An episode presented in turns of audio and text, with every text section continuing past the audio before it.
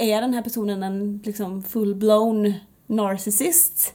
Eller är det bara narcissistiska drag kanske? Kan jag tänka mig att leva med det här? Var går mina gränser?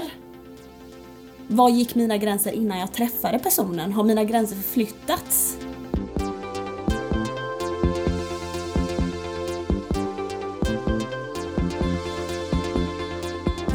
Du lyssnar på HSP-podden med Leveby och Klar. Hej och välkomna tillbaka till HSP-podden med Leveby och Klar. Podden för dig som är högkänslig och känslig. Och HSP står för Highly Sensitive Person och vi som gör den här podden är jag, Ida Leveby. Och jag, Matilda Klar. Hur är det med dig Matilda? Det är bra med mig. Eh, jag är lite trött idag. Men annars är det bra.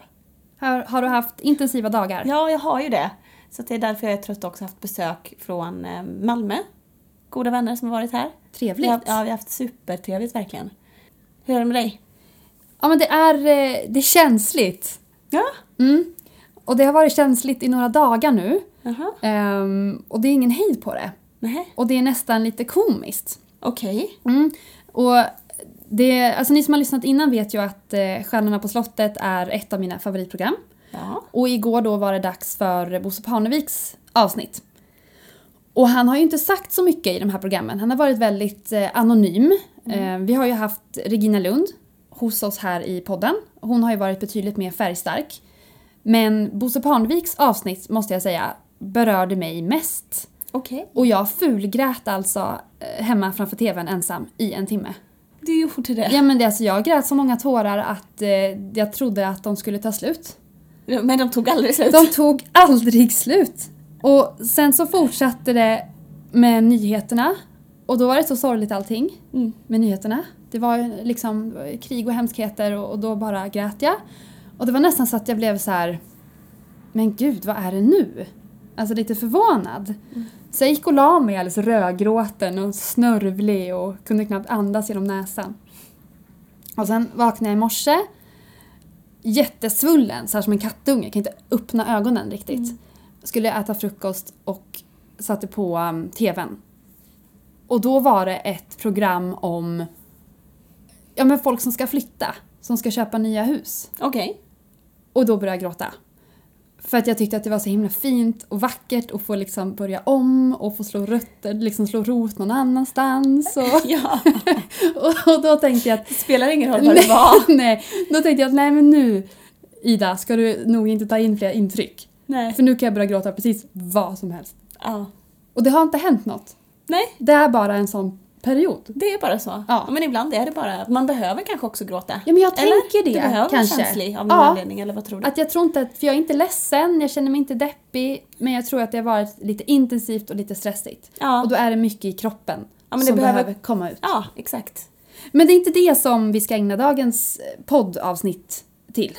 Nej, eh, det är det inte. Vi ska ägna oss åt ett ämne som flera av er som lyssnar har bett om, nämligen högkänsligast och känsligast relationer med narcissister. För hur många av oss finns det inte som fullkomligt förtärs av narcissister? De har kallats de högkänsligas motpol. För medan hsp är omtänksamma och bryr sig mycket om andra så bryr sig narcissisten mest om sig själv. Eller? Ja, det kan man säkert säga, men vi, vi, jag tänker att vi ska verkligen ta det på forskningsnivå här och faktiskt citera lite ur DSM, Diagnostic and Statistical Manual of Mental Disorders, som är som någon slags bibel inom psykologin. Det är nämligen den här boken som används när psykologer ska diagnostisera personer med till exempel en personlighetsstörning, som ju narcissism är. Eller narcissistisk personlighetsstörning som det heter. Det finns åtta tecken på narcissistisk personlighetsstörning. Det första är att personen har en känsla av att vara mycket betydande, framgångsrik och talangfull och förväntar sig också att bli behandlad därefter. Tecken nummer två är att eh, man har en förvrängd verklighetsuppfattning med fantasier om sin egen framgång, makt och skönhet. Man tror sig vara speciell och unik och förväntar sig bli bemött på det här sättet av andra. av andra personer men också, mm, ja vad kan det vara, på- jobbet, myndigheter, ja alla egentligen. Vadå, att man förväntar sig att bli bemött på ett visst sätt för att man Ja, för anser att sig vara lite bättre. man anser sig vara speciell och unik och ska, då ska man liksom, det, det ska andra veta om. Man kräver att få en särbehandling, det liksom spinner vidare lite där liksom. Och eh, alla ska automatiskt leva upp till eh, de här förväntningarna på särbehandlingen. Det ska bara folk veta. Man utnyttjar andra för att uppnå sina egna mål. Visar stor brist på empati och har stora svårigheter att förstå andra människors känslor och behov. Tror att många är avundsjuka på, på sig själv och är även ofta avundsjuk själv på andra. Visar ett högdraget och arrogant beteende eller attityd. Så det är åtta tecken då kan man säga som finns i DSM. Och var kommer ordet ifrån? Ordet kommer faktiskt från grekiska mytologin. Jag måste googla fram eh, vad Det den var här ju han som personen- tittade sig själv, Narcissus, hette han det? Ja, Eller? eh, vi dubbelkollar. Som tittade sig själv i den här brunnen och fick se Mm. sin spegelbild och blev alldeles förälskad i sig själv. Här. Narkissos. Narkissos, Yes, bedårad av sin egen spegelbild. Ser jag här en bild på Wikipedia. det kan jag bli ibland. Ja, Och så högkänslig så kan jag känna den här förälskelsefasen lite Ja. i mig själv. mm. Borde jag vara orolig?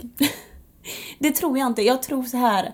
Hyser du farhågor och är orolig över att du är narcissist så är du inte narcissist. För det är en del av själva störningen va?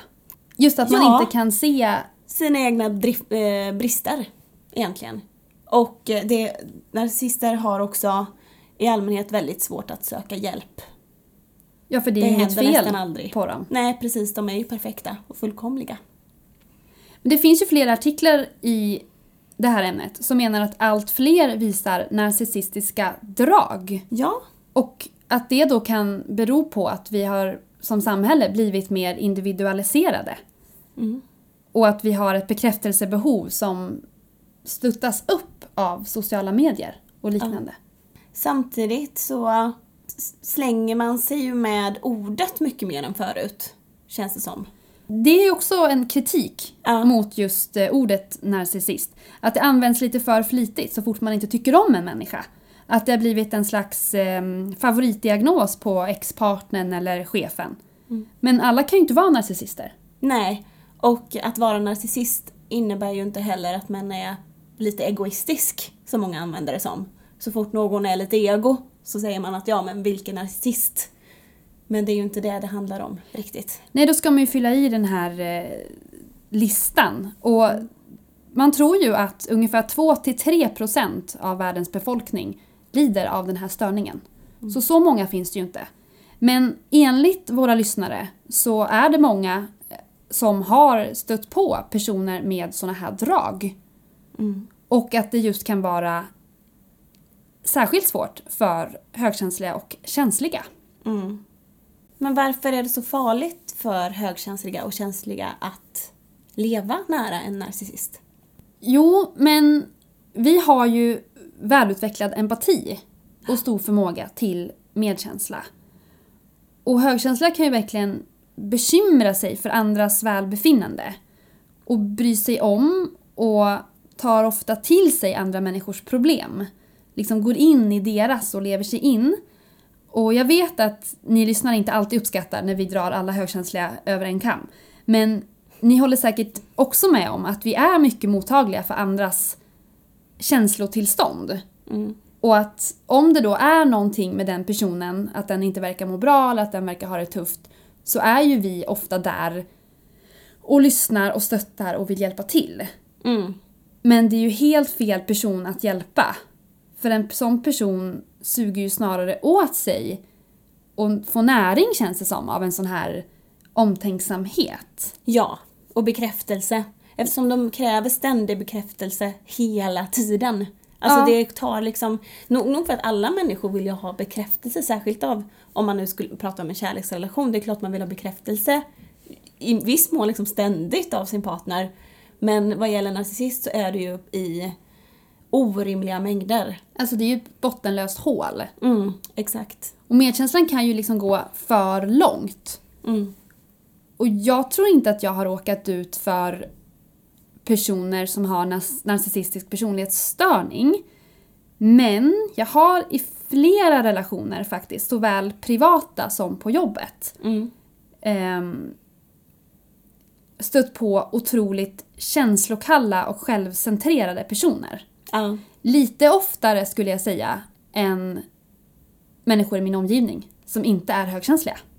Mm. Och det tror jag att det kan ju ta knäcken på, på högkänsliga.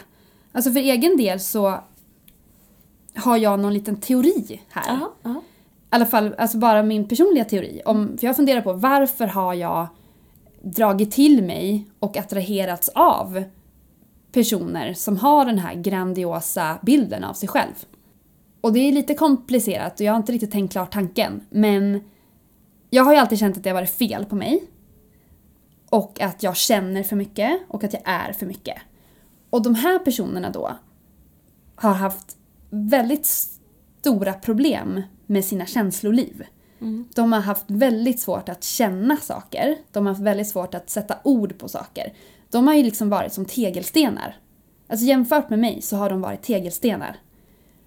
Och då har jag tänkt att om de tycker att jag är okej, om jag blir accepterad av dem, Mm. då är jag okej. Mm.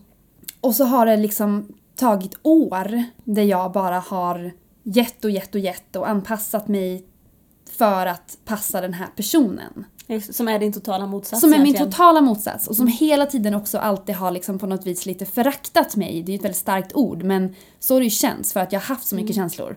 Och då har jag tänkt att så här, om jag bara kämpar lite hårdare så kommer vi att mötas. Och det har ju faktiskt, det första gången var nog när jag var liksom tidiga 20-åren och inte alls var stark och stabil. Och det tog nästan knäcken på mig. Mm.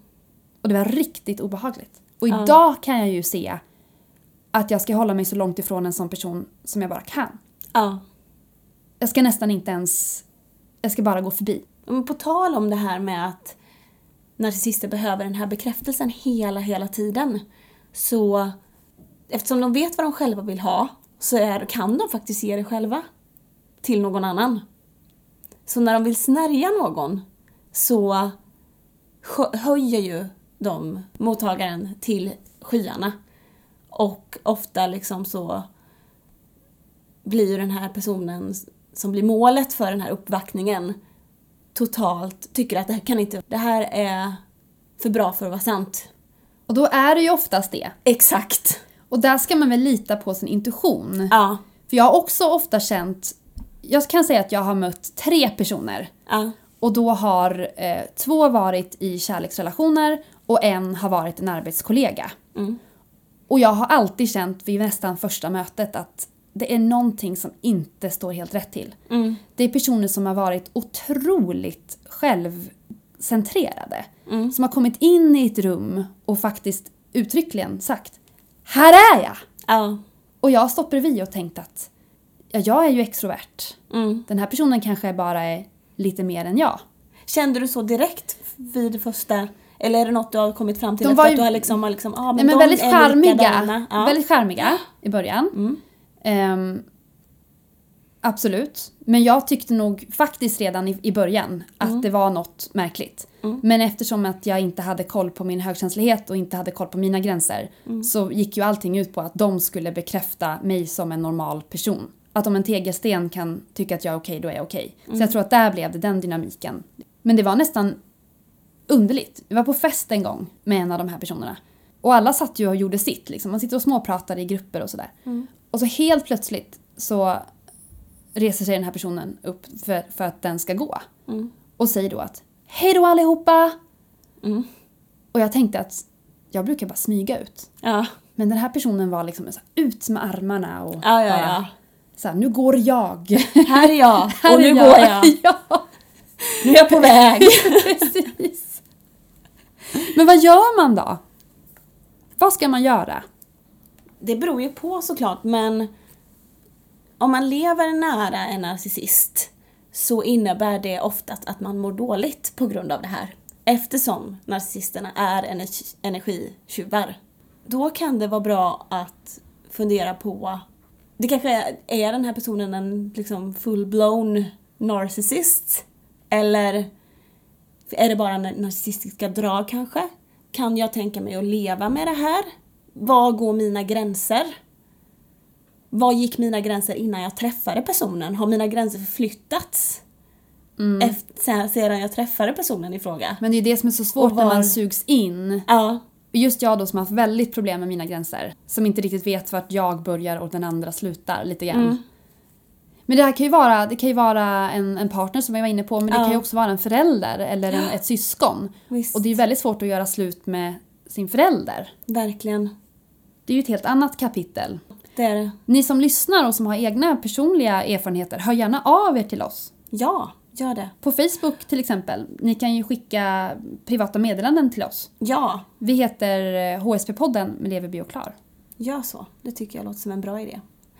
På jobbet har vi, det är en annan kategori där man kan stöta på narcissister och personer med narcissistiska drag.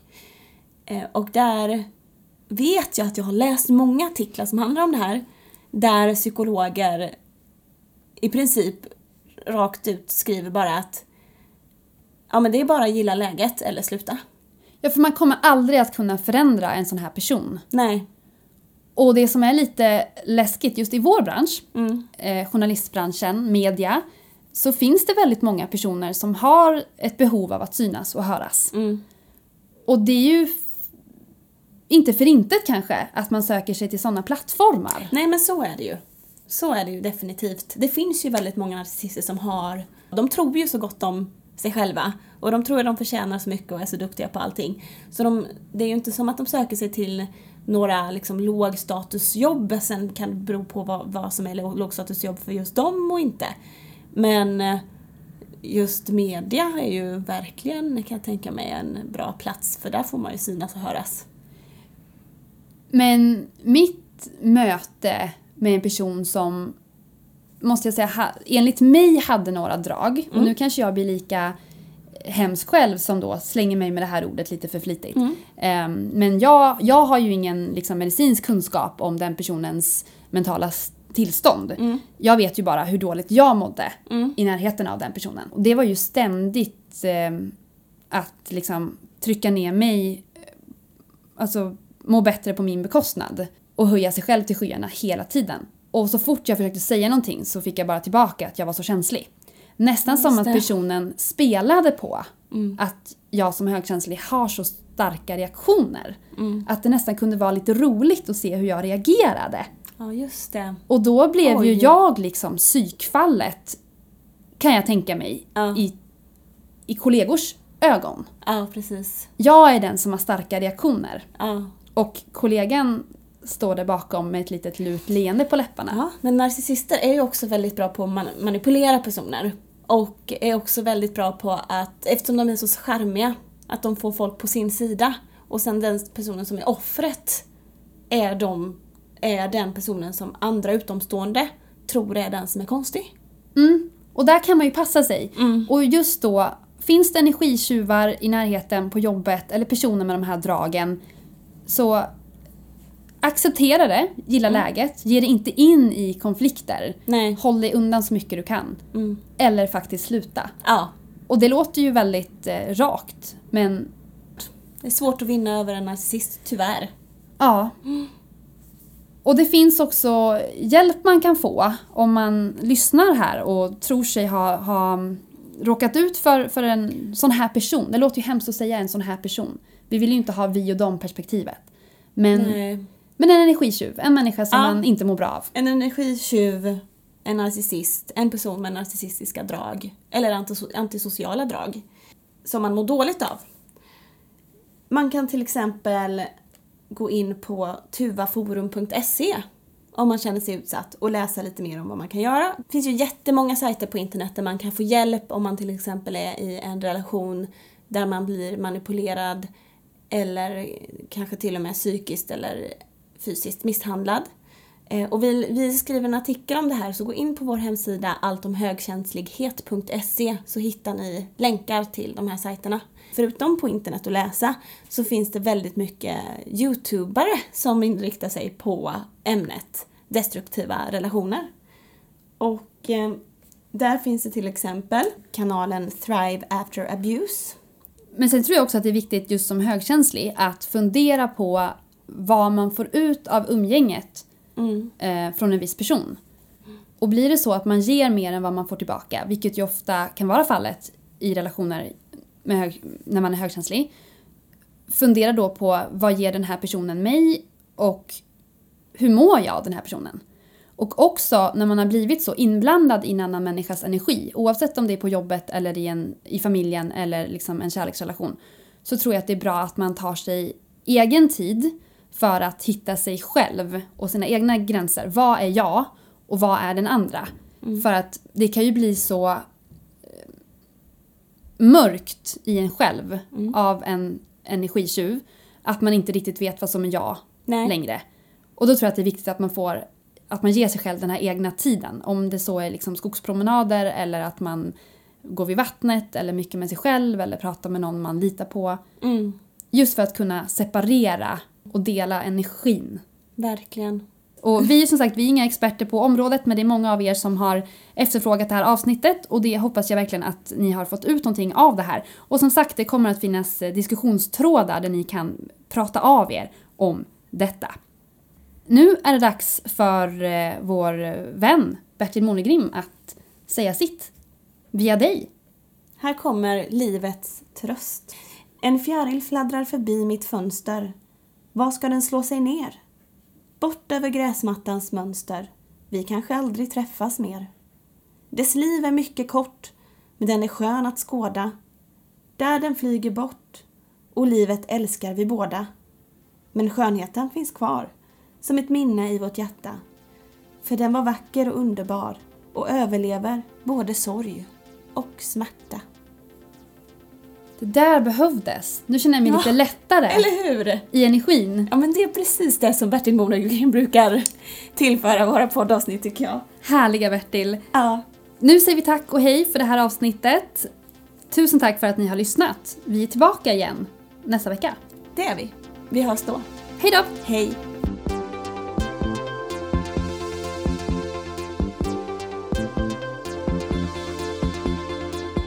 Du har lyssnat på HSP-podden med Leveby och Klar.